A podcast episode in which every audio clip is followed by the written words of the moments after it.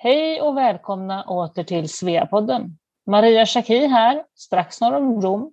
Och idag ska vi prata med en av våra medlemmar här i just Svea Rom faktiskt. Med mig har jag såklart som vanligt Anna Brill som sitter i Stockholm. Hallå Anna, hur är det i Sverige? Det sägs att ni har snö.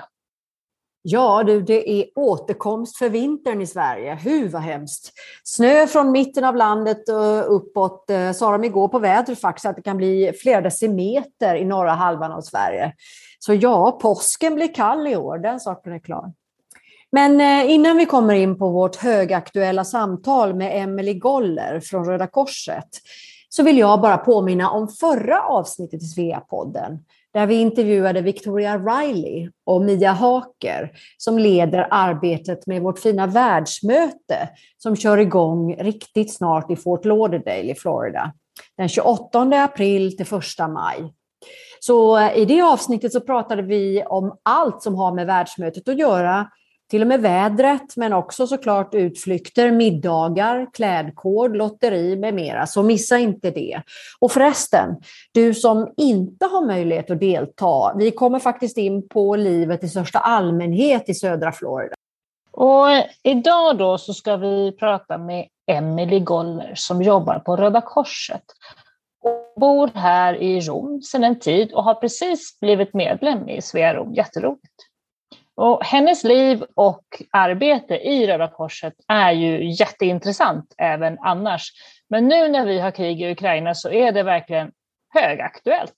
Ja, min familj har ju anknytning till Ryssland så här engagerar vi oss mycket med flyktingarna och det är faktiskt verkligen enormt svårt att förstå att den här typen av aggressioner kunde hända 2022. Ofattbart helt enkelt. Vi pratade lite grann med Emelie om vad Röda Korset gör i den här situationen, hur vi kan hjälpa, men också om historien, hur Röda Korset kom till från början. Kände du till den där, Anna? Nej, jag hade verkligen ingen aning om att allt startade i Italien. Och det var verkligen mycket intressant att lära sig mer också om hur hela Röda Korset fungerar. Men eh, du som lyssnar då, kom ihåg också att vi gärna tar emot feedback och förslag på sveapodden gmail.com. Och så glöm inte att ge oss betyg i din poddspelare. Det hjälper fler att hitta till podden. Och du som är intresserad av att hjälpa i Ukraina eller hjälpa flyktingarna så finns det många länkar i poddbeskrivningen till det här avsnittet. Och innan jag välkomnar in Emelie här så vill jag bara passa på att från oss önska alla en riktigt glad påsk. Men då säger vi varmt välkommen till Emelie Goller från Röda Korset. Mm.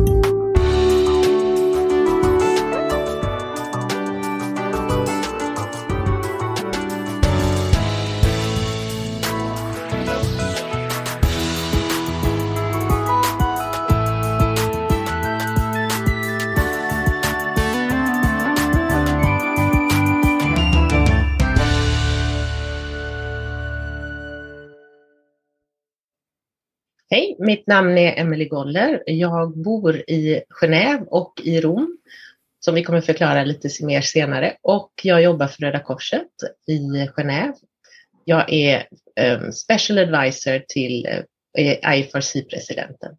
Hej Emelie och välkommen till Sveapodden. Du är ju som du sa, liksom, vad ska man säga, högra handen, eller special advisor som det heter, åt Francesco Rocca då, som är president för internationella Röda Korset. Och tack så jättemycket för att du ställer upp och berättar i Sveapodden. Det känns jätteaktuellt med tanke på allt fruktansvärt som händer nu, framförallt i Ukraina och annat. Men jag förstår att du har tok mycket att göra också i och med det. Och vi ska prata lite mer om liksom dig och din historia och din karriär lite längre fram. Men jag tänker att vi kan ju liksom först går vi bara rakt in i den här situationen nu. Och jag förstår ju att Röda Korset är på plats i Ukraina och länderna runt omkring. Hur ser det ut? Hur arbetar man i en krigssituation som här? Är det lokala avdelningar eller andra? Vad gör Röda Korset i den här situationen just nu? Helt enkelt finns det tre komponenter av Röda Korset. Det finns en kommitté, ICRC, som jobbar i, mest i konflikter och leder arbetet tillsammans med Ukrainska Röda Korset i Ukraina. Sen så har vi de, de, IFRC som är en paraplyorganisation för alla Röda Kors och Röda Halvmånens organisationer i, eh, i världen. eh, IFRC och det är de jag jobbar för. Och sen så har vi de nationella föreningarna som Svenska Röda Korset, Ukrainska Röda Korset och Polska Röda Korset och Bangladesh Röda Halvmåne. Så alla de här komponenterna som vi pratar om är aktiva. Så i Ukraina jobbar ICRC med, eh, med den nationella föreningen, Ukrainska Röda Korset, och vi från federationen stärker dem och ger dem, den Ukrainska Röda Korset, mer hjälp det de behöver under tiden.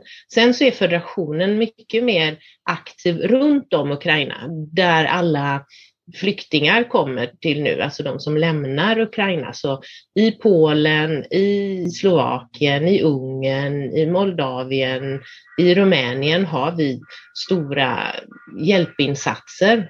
Och där är det både federationen och den nationella föreningen som jobbar och, och även andra.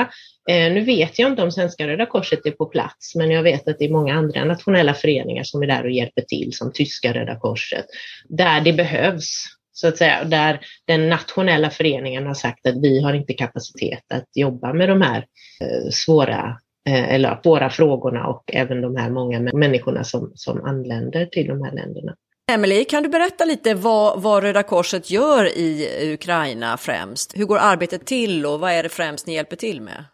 Behoven är ju jättestora i, i Ukraina och eh, och nu måste jag ju säga här att jag är ingen expert på just Ukraina-krisen, för det är inte det jag jobbar med, så att eh, det kan vara lite svårt här. Jag har kanske inte den fulla bilden om vad som händer, men jag vet ju att vi jobbar jättemycket för att hjälpa de behövande i landet. Det finns eh, väldigt lite mat, det finns väldigt lite vatten vatten, det finns inte mycket elektricitet så det finns ju väldigt många personer som är, är fast på olika ställen och, och, inte har tillgång till, de, till det man behöver och, och, även sjukvård. Men det som min organisation jobbar för mest är ju att hjälpa dem som, eh, som har flytt landet. Så, och där eh, försöker man ju ge folk stöd när de har kommit över gränsen, till exempel till Rumänien. Och då får de ju det de behöver och det är ju lite beroende på, det mesta kommer ju med väldigt få resurser och väldigt få saker. Upp till nu har det också varit väldigt kallt. Så de, när de kommer så, så ger vi dem allt från kläder, mat, vatten och simkort så att de kan försöka eh, och hålla kontakt med de som är fortfarande i landet men även de som har flytt till, till andra ställen och kanske också har kommit vidare för jag menar de mesta stannar ju inte i, i länderna runt omkring utan försöker ju ta sig vidare till någonstans där de kan, kan bli mer integrerade och gå i skolan. Och då jobbar ni med de lokala Röda Korset. Vi, vi till exempel här hemma i Sverige har ju sett på att det är många som kommer till Polen till exempel och även kändisar. Alltså jag såg Carola Carola varit nere och hjälpt till. Kanske inte var Röda Korset, jag vet inte, men, men är det mest frivilliga då Röda Korsarbetare som hjälper till med det du just sa här vid när de, när de kommer då till de här andra länderna, eller hur går det till? Ja, det är väldigt många frivilliga Eh, så som man använder sig av. Alltså varje Röda korsförening har ju massa frivilliga som de jobbar med hela tiden och trän, gör, gör, gör olika träning till och så, de är, så, så, att de ska vara förberedda på sådana här katastrofer. Nu kanske man inte riktigt runt Ukraina har varit förberedd på den jätteanstormning av människor som kommer, för det är ju någonting som vi inte riktigt kunde kunde förstå eller se att det skulle kunna hända. Eller vi kanske var naiva och inte se det, men, Eh, men eh, det är mest, alltså det, det är väldigt många frivilliga som är där och jobbar dygnet runt för att hjälpa de här personerna. Och jag tänker så här, många kanske undrar, det är klart det är många som eh, donerar till Röda Korset och, och man kan ju bli månadsgivare och allt möjligt. Vart går de pengarna om jag skickar in pengar här till Röda Korset i Sverige? Går de till mest det här flyktingmottagandet eller går pengarna till att hjälpa till i Ukraina eller vet du någonting om det? Det beror lite på hur man har öronmärkt pengarna. I Sverige vet jag att de, det är väldigt klart när man, när man ger pengar så står det till vad det ska vara. Om det står flyktingkrisen till exempel, då går det ju mer till de som, som flyr. Så, och, och, och de kanske har bara skrivit Ukraina och då kan det faktiskt gå till både hjälp inne i landet och hjälp för de som, som kommer ut ur landet och behöver olika olika saker. Så det är lite beroende på, men, men jag tror att det är både och. Samarbetar ni också med eh, UNHCR, alltså FNs flyktingorgan? Jobbar ni mycket parallellt med dem eller hur, hur går det till? Ja, det finns ju i alla de här konflikterna och kriserna finns det samordning. Och vi eh, som jobbar väldigt mycket med de olika FN-organen, så att eh, vi ger ju inte pengar till dem, så att säga, utan man har ju var och en sin egen budget, men det finns ju en samordning mellan alla de här olika organisationerna. Vårt brukar kallas the Red Pillar, alltså alla Röda Kors, och sen så FN är the Blue Pillar. Så att eh, det finns samordning med dem och även med andra internationella NGOs, så att man se till att man kan täcka upp det, det mesta av behoven som finns. Alltså, så att inte alla jobbar med bara en del och sen så är det många andra som inte får någon hjälp. Så den samordningen finns. Och vad är det, kan vi bara få höra ditt bästa råd till alla som vill hjälpa till? Vad, vad vill du att man helst ska göra? Ska man åka med kläder och donera någonstans eller ska man skicka pengar eller vad är det bästa? Alltså jag tror ju själv att det bästa är att skicka pengar. Jag tror att det är väldigt viktigt att man ger, just ger pengar för att, att skicka saker. Känner du någon i Ukraina så är det klart att det kan vara bra att skicka enheter till dem. Men ja, det, det, kan vara svårt att samordna sådana saker och oftast kostar det mer än om man köper i stora mängder och, och, och, och ger Eh, samma sak till alla. Så jag personligen tror mer på att, att ge pengar istället för att skicka och sen att hjälpa de personerna som har kommit till exempel till Sverige eller till de andra länderna. Att man försöker eh, stödja dem och, och integrera, se till att man hjälper barnen med läxor och, och svenska och, och sådana saker. Så det tror jag är absolut det viktigaste. Och jag förstod där att jag lyssnade på någon annan från Röda Korset för en tid sedan som beskrev just det här som du sa då, att ja, men, köper man mer av samma sak blir det billigare. Att det är en jätteapparat det här och att även ni, alla hjälporganisationer som vi sa, UNHCR, att ni har kommit överens om liksom standards för vad som ska användas och hur det ska se ut. Hur ska ett tält se ut? Ja, det finns standards för allt. Det finns en sån här mobilisationstable där, där det står vad är det man köper och då vet man ju att allting har rätt hållbarhetsdatum, att det har rätt eh, innehåll, att det inte är någonting som, man, som är förbjudet till exempel i den kulturen att äta, att det, att det innehåller rätt näring så att säga. Så att, eh, det, det är mycket lättare än att, för om man skickar saker så ska ju det sorteras. Det tar jättemycket energi och kostnader istället för att kunna hjälpa direkt. Så jag tror att det är bättre att ge om man, vill, om man känner för att man ska ge saker så är det nog bättre att göra det om man känner folk som har kommit till Sverige liksom, att, eh, eller till andra länder där man är. Även där har jag ju sett lite grann hur en del som har samlat in till sina flyktinganläggningar och sådär som man har i närheten. Att jag såg senast idag i någon grupp någon som skrev att men nu vill de inte ha mer grejer här och jag har garaget fullt med saker som ni har skänkt. Eh, jag vet inte hur jag ska sortera det nu. Och där någonstans blir det enklare att faktiskt bara ha en loppis, sälja sakerna och ge pengarna till någon. Ja, men jag, det, jag, tror, jag tror verkligen på det.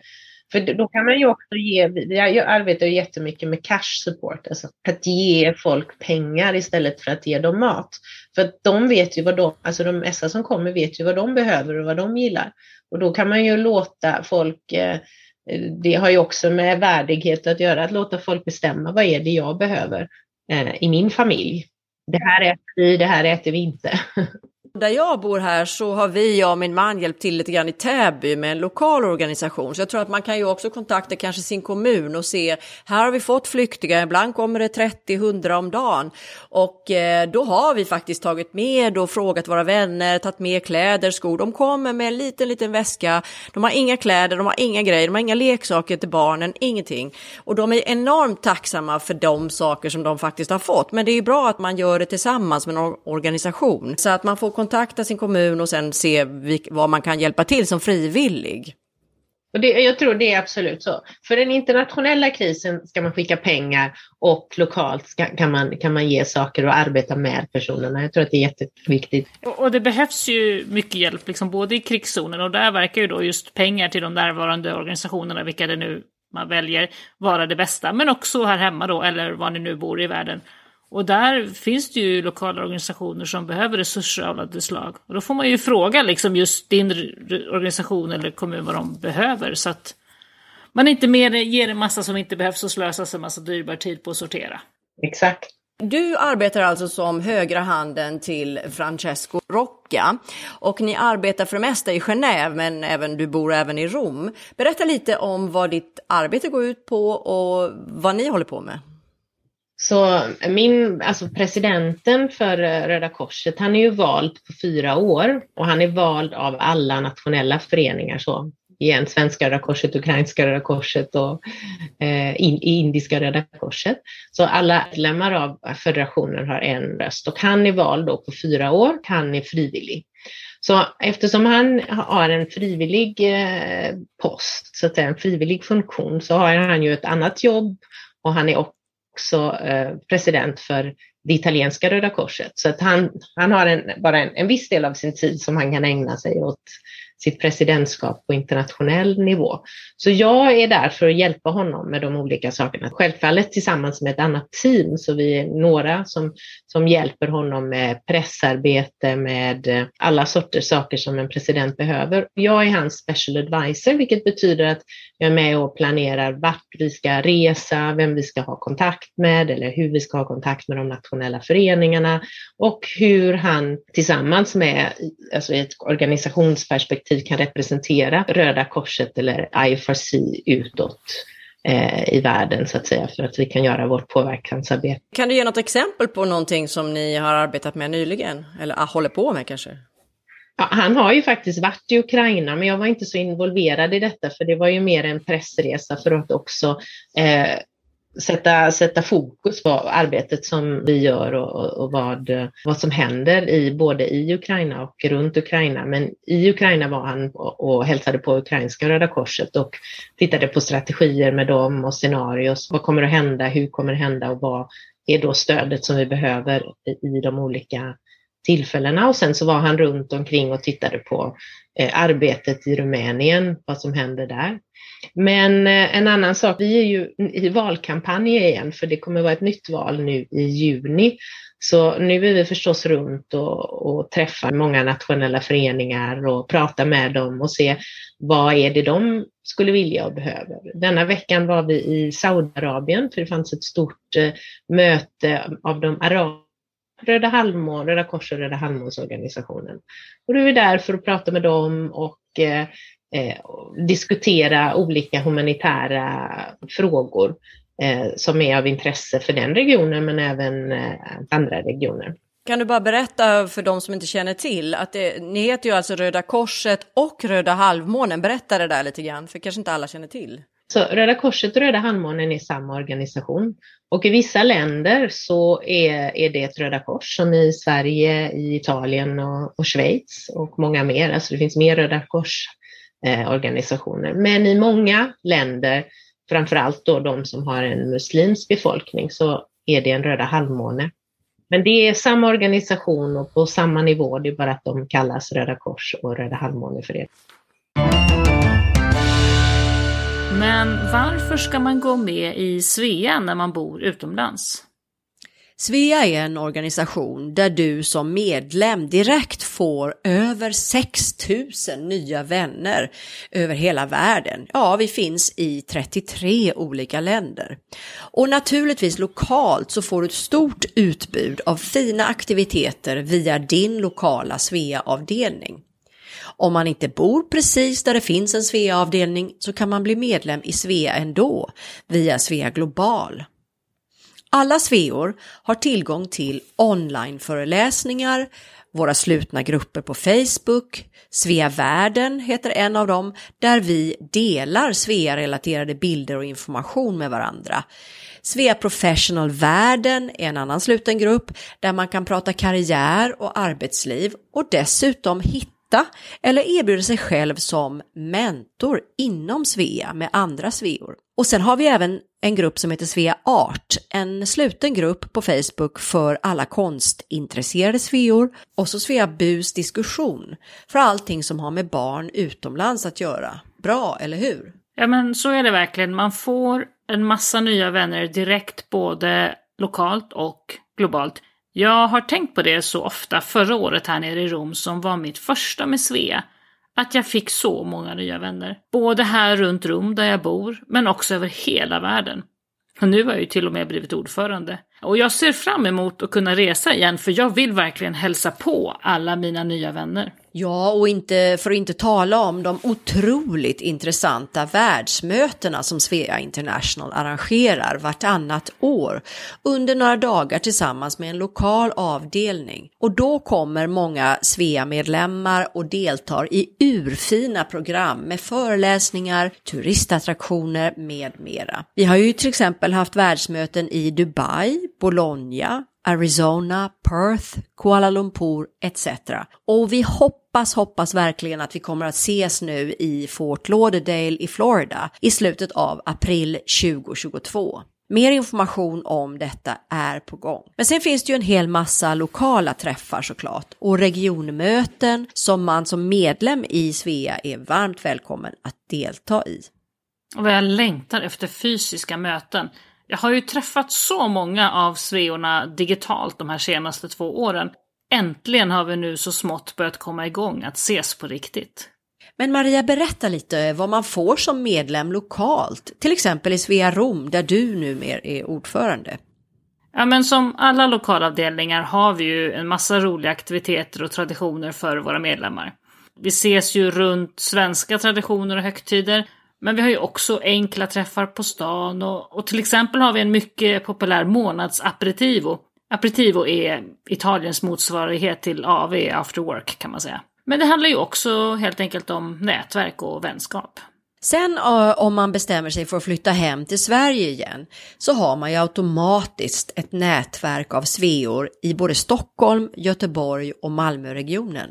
Jag hade faktiskt hört talas om Svea tidigare vid en kortare utlandsvistelse, men kom inte riktigt för mig att bli medlem den gången. Men att Svea var så här bra att vara med om, det hade jag faktiskt ingen aning om. Gå in på vår hemsida svea.org och bli medlem du också, för Svea, det är fantastiskt. För några år sedan så var jag på cykeltur vid Gardasjön och strax söder om sjön så stannar vi vid en liten ort som har väldigt stor betydelse för Röda Korset, nämligen Solferino, eller hur? Ja. Berätta, hur startade Röda Korset och vad har Solferino med det hela att göra? Så 1864, tror jag det, eller 1863, så var det ju en stor konflikt eh, eller ett stort krig eller en stor batalj som ut, utövades, eller vad säger man, två, kan inte de här svenska orden. Utkämpades. Men, utkämpades heter det, eh, mellan eh, Österrike och eh, Frankrike. Och Italien var ju på Frankrikes sida, så det var ett, ett stort slag där i Solferino. Och på den tiden så åkte ju många människor och tittade på de här eh, på, på fälten och så, såg vad som hände. Alltså det fanns ju alltid en, en besökarlinje så att säga. Och där var även en, en ung man som hette André Dunant som, som var en handelsman som reste ganska mycket och han blev så tagen av det här som hände, han, det han såg och de här människorna som bara lämnades att dö på slagfältet för de, det fanns ingen sjukvård utan det här hände och sen så lämnades folk att dö. Så han tillsammans med eh, massa kvinnor som var aktiva där började organisera sig, de hämtade folk på fälten och, och tog dem ner till, till Castiglione och eh, Solferino för att, för att ge dem den sjukvården som de kunde ge eller den första hjälpen som de kunde ge.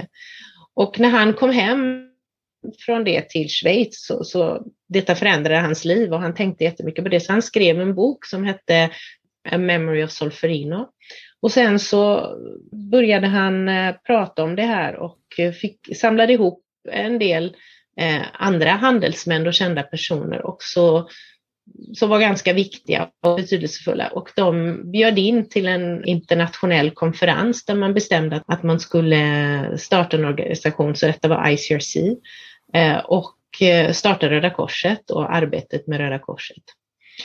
Och det var många som skrev under detta då, framförallt de europeiska länderna på den tiden. Och sen från det så startade man nationella föreningar i olika länder.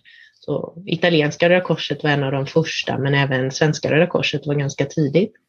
Och ett annat resultat av det här är ju inte bara Röda Korset utan den andra saken han kom fram till att man skulle göra, det var ju det som sedermera resulterade i Genèvekonventionen, alltså krigets lagar, eller hur? Och det, det är ju då ICRC som är the guardian för de här Genèvekonventionen, krigets lagar. Och ICRC, det står alltså för? International Committee of Red Cross. Men du, eh, tillbaka till det här eh, med eh, allmänheten och vad man kan göra. Ibland, och det vet vi kanske har varit lite stormar ibland runt Röda Korset sådär, men, men hur vet man liksom att pengarna kommer fram? Det mesta kommer ju fram till hjälp. Det är en overhead cost som går till organisationen. För utan en organisation så kan ju inte hjälpen komma fram heller. Det funkar inte att man ger en, alltså 100 procent som bara skickas över utan det måste ju koordineras. Så jag tror i Sverige har man de här 90-kontona där man säger 10 går till organisationen, 90 till de behövande. Och då, det är så det är, men, men att hjälpa kostar och därför så kostar organisationen någonting också, för annars kan man inte ge en bra hjälp. Jag skulle säga att en ganska stor del kommer fram. 90 procent låter ju ändå ganska bra tycker jag. Jag tittar på ditt CV här och din bakgrund. Du har bara, bara varit i Röda Korset hela ditt liv ser det ut som. Men alltså om någon vill engagera sig i Röda Korset själv, hur gör man då? Jag började ju som frivillig i Röda Korset. Det är, också så jag, jag började i, i Göteborg. Jag satt med i, i ungdomsförbundet, en, stödlinje för unga, för unga människor, någon sån här psychosocial support. Och från det så blev jag intresserad av vad gör Röda Korset och så satte jag mig i styrelsen för, för det och, och till slut så fick, det också det som fick mig att studera political science eller statsvetenskap, för jag tänkte det här är någonting som intresserar mig, det internationella, att förstå hur organisationer som Röda Korset eller även FN jobbar på, i det multilaterala. Det var det jag tyckte var intressant. Så från det så när jag studerade så, så tog jag kontakt med Österrikiska Röda Korset, för jag jobbade, eller jag var, var i Österrike under den tiden jag studerade i Österrike, för min pappa är från Österrike. Och Eh, då fick jag jobb där ganska snabbt. Så från 2000 så har jag jobbat med Röda Korset. Så det, ja, det är en lång tid. Men jag har gjort massa olika saker, så jag har inte varit på en position hela tiden i Röda Korset, utan jag har haft turen att, att kunna göra olika saker. Jag har jobbat i Bryssel, även jobbat lite i, på svenska Röda Korset, jag har varit i Danmark ett tag, jag har även jobbat lite i Nordkorea och, och, och italienska Röda Korset och nu federationen och jobbat även, även med federationen i Budapest. Jag har liksom kommit runt lite med Röda Korset och gjort olika saker. Så det finns plats för både att vara frivillig som du började med och sen kanske om, om man är intresserad kan man även jobba för Röda Korset. Men om man vill vara frivillig då kontaktar man till exempel här i Sverige då, Svenska Röda Korset. Det finns sådana här frivilligstödjare så att man, man kontaktar för att man är intresserad av en speciell verksamhet och så kontaktar man dem, eh, den, den lokala föreningen och ser vad de gör och ser om man är intresserad av det. Oftast så kommer man vidare och eh, hittar andra verksamheter inom organisationen som är intressanta. Men det är väldigt, väldigt många som jobbar för Röda Korset som också har en frivillig bakgrund förstås. Inte alla, men det finns en, en väldigt stor del som har, har jobbat för Röda Korset är en organisation med väldigt många möjligheter. det är så stort och det finns så mycket olika saker alltså, och så finns det överallt i världen. Och det är ju rätt spännande. Röda Korsets bas är ju Genève, så vad jag förstår så bor ju du både i Genève och i Rom. Hur ser din vardag ut? Det är så svårt att säga nu efter eh, covid-pandemin. Hur var det innan då? Den största delen av, av, min tid så, så var jag ju i Genève för att jag, eftersom att jag är, som du sa, Francesco Roccas högra hand så så jobbade jag väldigt mycket med organisationen i Genève och, och, och koordinerade med dem så att vi kunde ge bäst stöd till, till eh, Francesco. Eh, och då såg, såg ju tiden ut som att hälften av tiden var jag väl i Genève och sen så var vi mycket på resor beroende på vad, vad som hände, vilka möten vi var inbjudna till. Det finns ju mycket möten inom Röda Korset, där regionala möten som vi deltar i, där, där Francesco representerar federationen, men även gentemot FN deltar Francesco Rocca alltid i UN General Assembly. Så då, då, ja, det är mycket möten och det är mycket skrivande, koordinerande av, av och skrivande av tal. Eh, så det är sånt det ser ut. Och, och, det gjorde jag även då från när jag kom till Italien, för jag var väl här ungefär en vecka i månaden. Och det var ju också för att kunna träffa Francesco och ha den dialogen och förstå vad hans prioriteter är så att jag kan vara i Genève, ge den eh, men du har ju också ditt privata liksom, vardagsliv delvis i Rom, för du har en sambo där, eller hur? Min sambo, han bor här i Rom. Så det har ju varit bra för mig att kunna, kunna ha ett sånt flexibelt jobb. Det är lite tur, eh, så att säga. Men, eh, så det har gjort att, att jag har både en bas här i Italien och en bas i, i Genève. Men som, som sagt under, under covid-pandemin och den stora tiden där även stora delar av vårt tour var stängt eller väldigt, med väldigt så här, eh, få människor som kunde komma in samtidigt så har jag jobbat mer i Italien från hemmakontor. Men eh, Röda Korset är inte så långt, alltså italienska Röda Korset där min chef är för det mesta, och är ganska nära mitt hem, så då jag har varit uppe kanske tre, fyra gånger i veckan och stött honom i de virtuella mötena. Så det har varit, eh, det internationella har varit virtuellt och jag har varit placerad här. Nu är vi ju i, även i en kampanj, valkampanj igen, så vi reser väldigt mycket och träffar som jag sa i början, olika nationella föreningar. Så det, det, är väldigt olika. Dagen, det är inte, en dag är inte lik den andra. Eh, du har ju jobbat i många olika länder, Italien, Schweiz, Österrike och så då från början Sverige. Om du skulle göra en jämförelse med, mellan att jobba i de här olika länderna, är det stor skillnad kulturellt? Så det beror lite på, till exempel i Genève jobbar jag ju i ett internationellt sammanhang, även i Bryssel var det väldigt europeiskt och det är klart att eh, när man jobbar i de här mer mm, multi, många så funkar det lite olika än om man är i en nationell förening. Jag har ju sällan jobbat i Sverige. Alltså jag, egentligen har jag ju hela mitt arbetsliv utanför Sverige och Österrikiska Röda Korset har varit min hembas egentligen under hela tiden. Och eh, Österrikiska Röda Korset är, det är ett väldigt bra Röda Kors, ett väldigt trevlig arbetsatmosfär, men väldigt direkt. Man säger vad man tycker och det kan även bli lite, inte hetsiga diskussioner, men klara diskussioner. Och sen när jag började jobba i Svenska Röda Korset så märkte jag att att min direkthet kanske inte riktigt funkade så bra i Sverige. Jag vet att ibland när vi hade diskussioner och allting skulle vara så konsensus och, och jag ibland bröt in med, med min direkthet. Som, det är ju något som, som funkar bra i Österrike men även internationellt så så är man inte så försiktig. Och då vet jag att folk ibland liksom reagerade och öppnade sådär, oj, vad händer här? Och, och, för mig var det bara en, en vanlig diskussion, för det var så vi diskuterade eh, på Österrikiska Röda Korset till exempel. Och det var, jag tror att min, mina större chocken var nog det när jag kom hem till Sverige, hur, hur jag hade blivit van vid att, att arbeta på ett annat, kanske inte så konsensorienterat eh, eh sätt.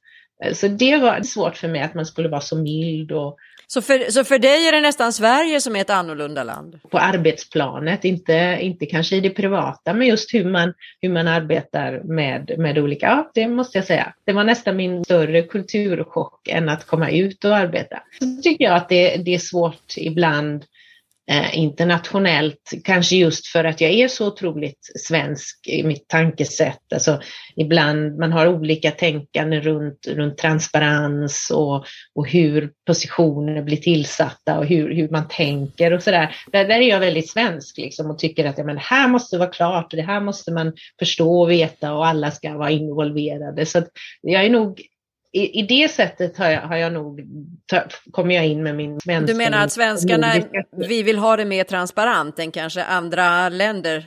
Vi är väldigt korrekta. Kanske, ibland kanske lite för korrekta också. Mm för, för, men vi är väldigt korrekta, så det, det, det, är den sidan som, som jag tror att jag reagerar jättemycket. Jag vet jag hade en, en diskussion med en, med en kollega en gång. Han berättade någonting om det, men hans frus eh, systers bror hade fått ett jobb.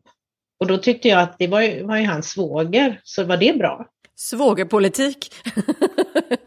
och då sa han, nej men det är inte min svåger, det är min... Det var en väldigt liten diskussion, jag vill inte säga att det är svågerpolitik, för det, det var det inte den situationen, men de hade jobbat i samma organisation väldigt länge.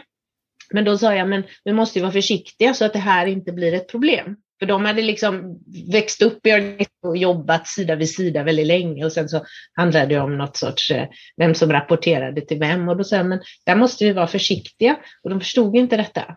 Tyckte det var... varför det liksom? Vilket land var det? Detta var Österrike. Jaha, wow. Ja, men, men så är det ju. Men där är det ju återigen Sverige som är lite udda. Det här med att vi är extremt meritokratiska. Liksom. Här är det ju helt normalt att man liksom hjälper sin familj till med allt, även sånt här.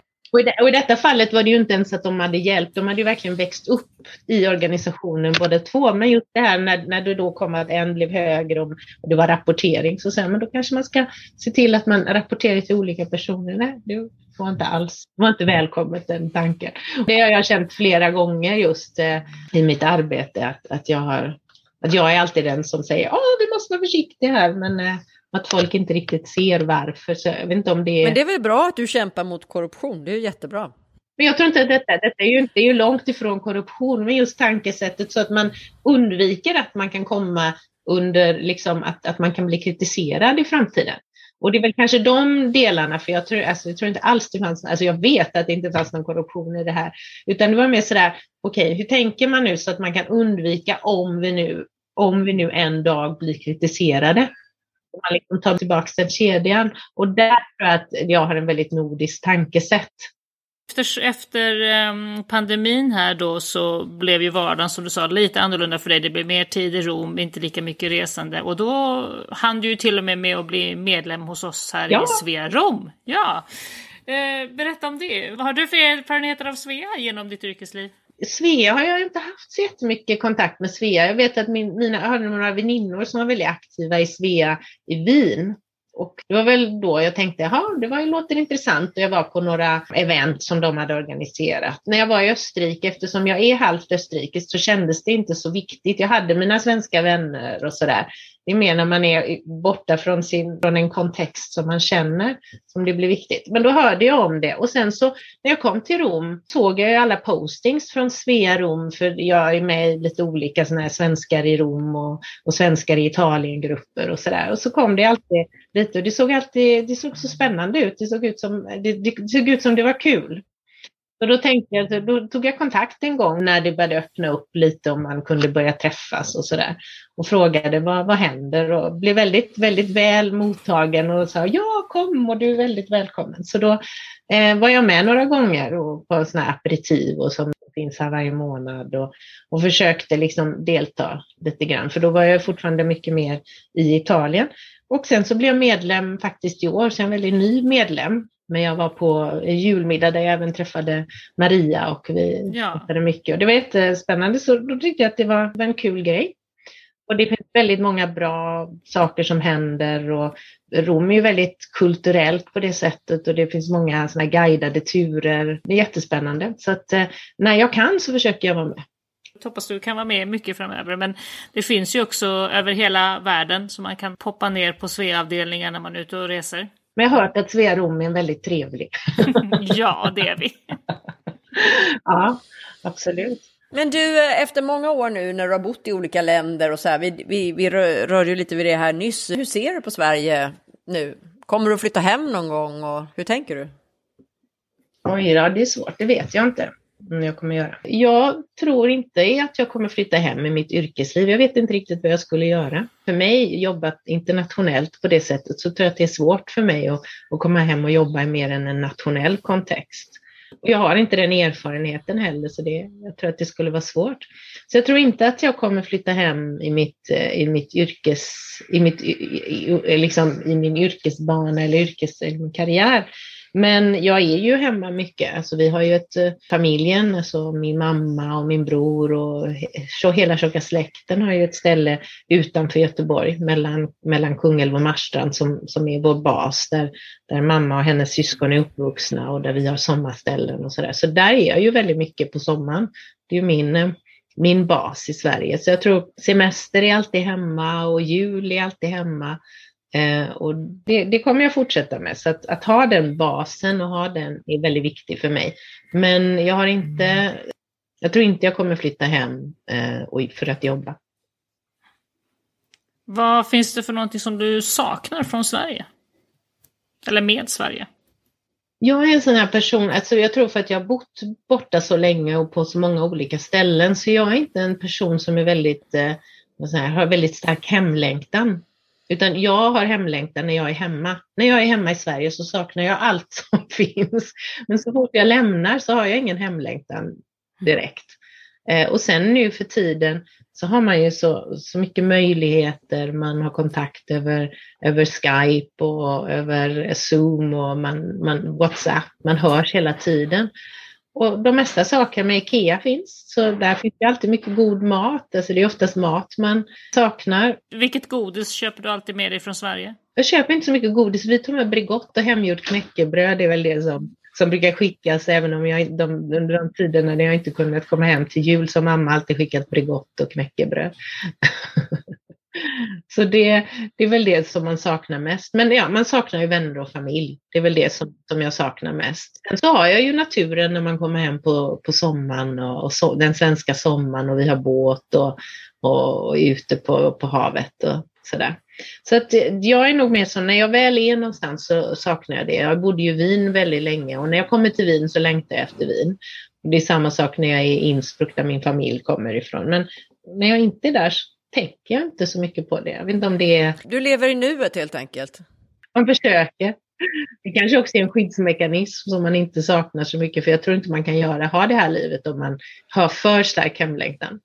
Du, det eh, varit fantastiskt här att prata med dig idag och eh, om, om det härliga arbete som du gör och Röda Korsets stora insatser över hela världen, men också nu tänker vi på Ukraina. Eh, till avslutning här, är det något särskilt du skulle vilja säga till människor som lyssnar här och kanske vill hjälpa till? Va, vad, ska, vad ska de göra? Ska vi repetera det igen? Ja, jag tror det som, som, vi, som vi alla tre kom fram till förut. För den internationella insatsen ger pengar och för om du vill hjälpa på lokal nivå, ta kontakt med Röda Korset eller någon annan organisation och se att du kan hjälpa där du är. Försök stödja de personerna och vara inkluderande. Och då kan vi väl bara repetera att hemsidan för svenska Röda Korset, den heter ju redcross.se och sen har vi då ifrc.org. Alltså, du får säga vad, vad nu är det hette igen, International Federation of Red Cross and Red Crescent Societies. .org. IFRC.org. Där hittar man sin lokala lands eh, Röda Korset, eller hur? Så där kan man lokalisera om man vill hjälpa till och man vill donera pengar och så vidare. För det är ju många som lyssnar på den här podden som inte bara bor i Sverige, utan vi har ju sveer över hela världen. Och då kan man, man kan ju också googla om det är Italien, italienska Röda Korset eller Italian Red Cross och så kommer man till deras hemsida direkt. Men du sa där att, för du sa att du, du trodde att du inte kanske flyttar tillbaka till Sverige så länge du jobbar. Och tror du att du kommer att jobba med Röda Korset tills du har jobbat färdigt? Det vet jag inte, men jag gillar Röda Korset. Eftersom det finns så många olika saker att göra inom Röda Korset så det finns ju en risk för det, även om det kanske är väldigt limiterande. Du, då måste jag bara ställa sista frågan här. Va, vad är det bästa med Röda Korset för dig? Jag vet inte, jag tror ju väldigt mycket på vårt mandat och det vi gör, att jobba med människor, att, att, att hjälpa där man kan hjälpa. Och, alltså det känns som det är, det är väldigt meningsfullt arbete. Och sen så är det ett, en väldigt bra organisation, man jobbar med väldigt bra människor och vart man än kommer så träffar man Röda Kors-människor eller Röda Halvmåns-personer som är väldigt, väldigt trevliga. Så det är också människorna som håller en kvar. Man får nya vänner också helt enkelt. Absolut. Då säger vi tack så jättemycket Emelie för att du ville vara med i Sveapodden idag. Ja, tack så jättemycket. Tusen tack. Jättekul.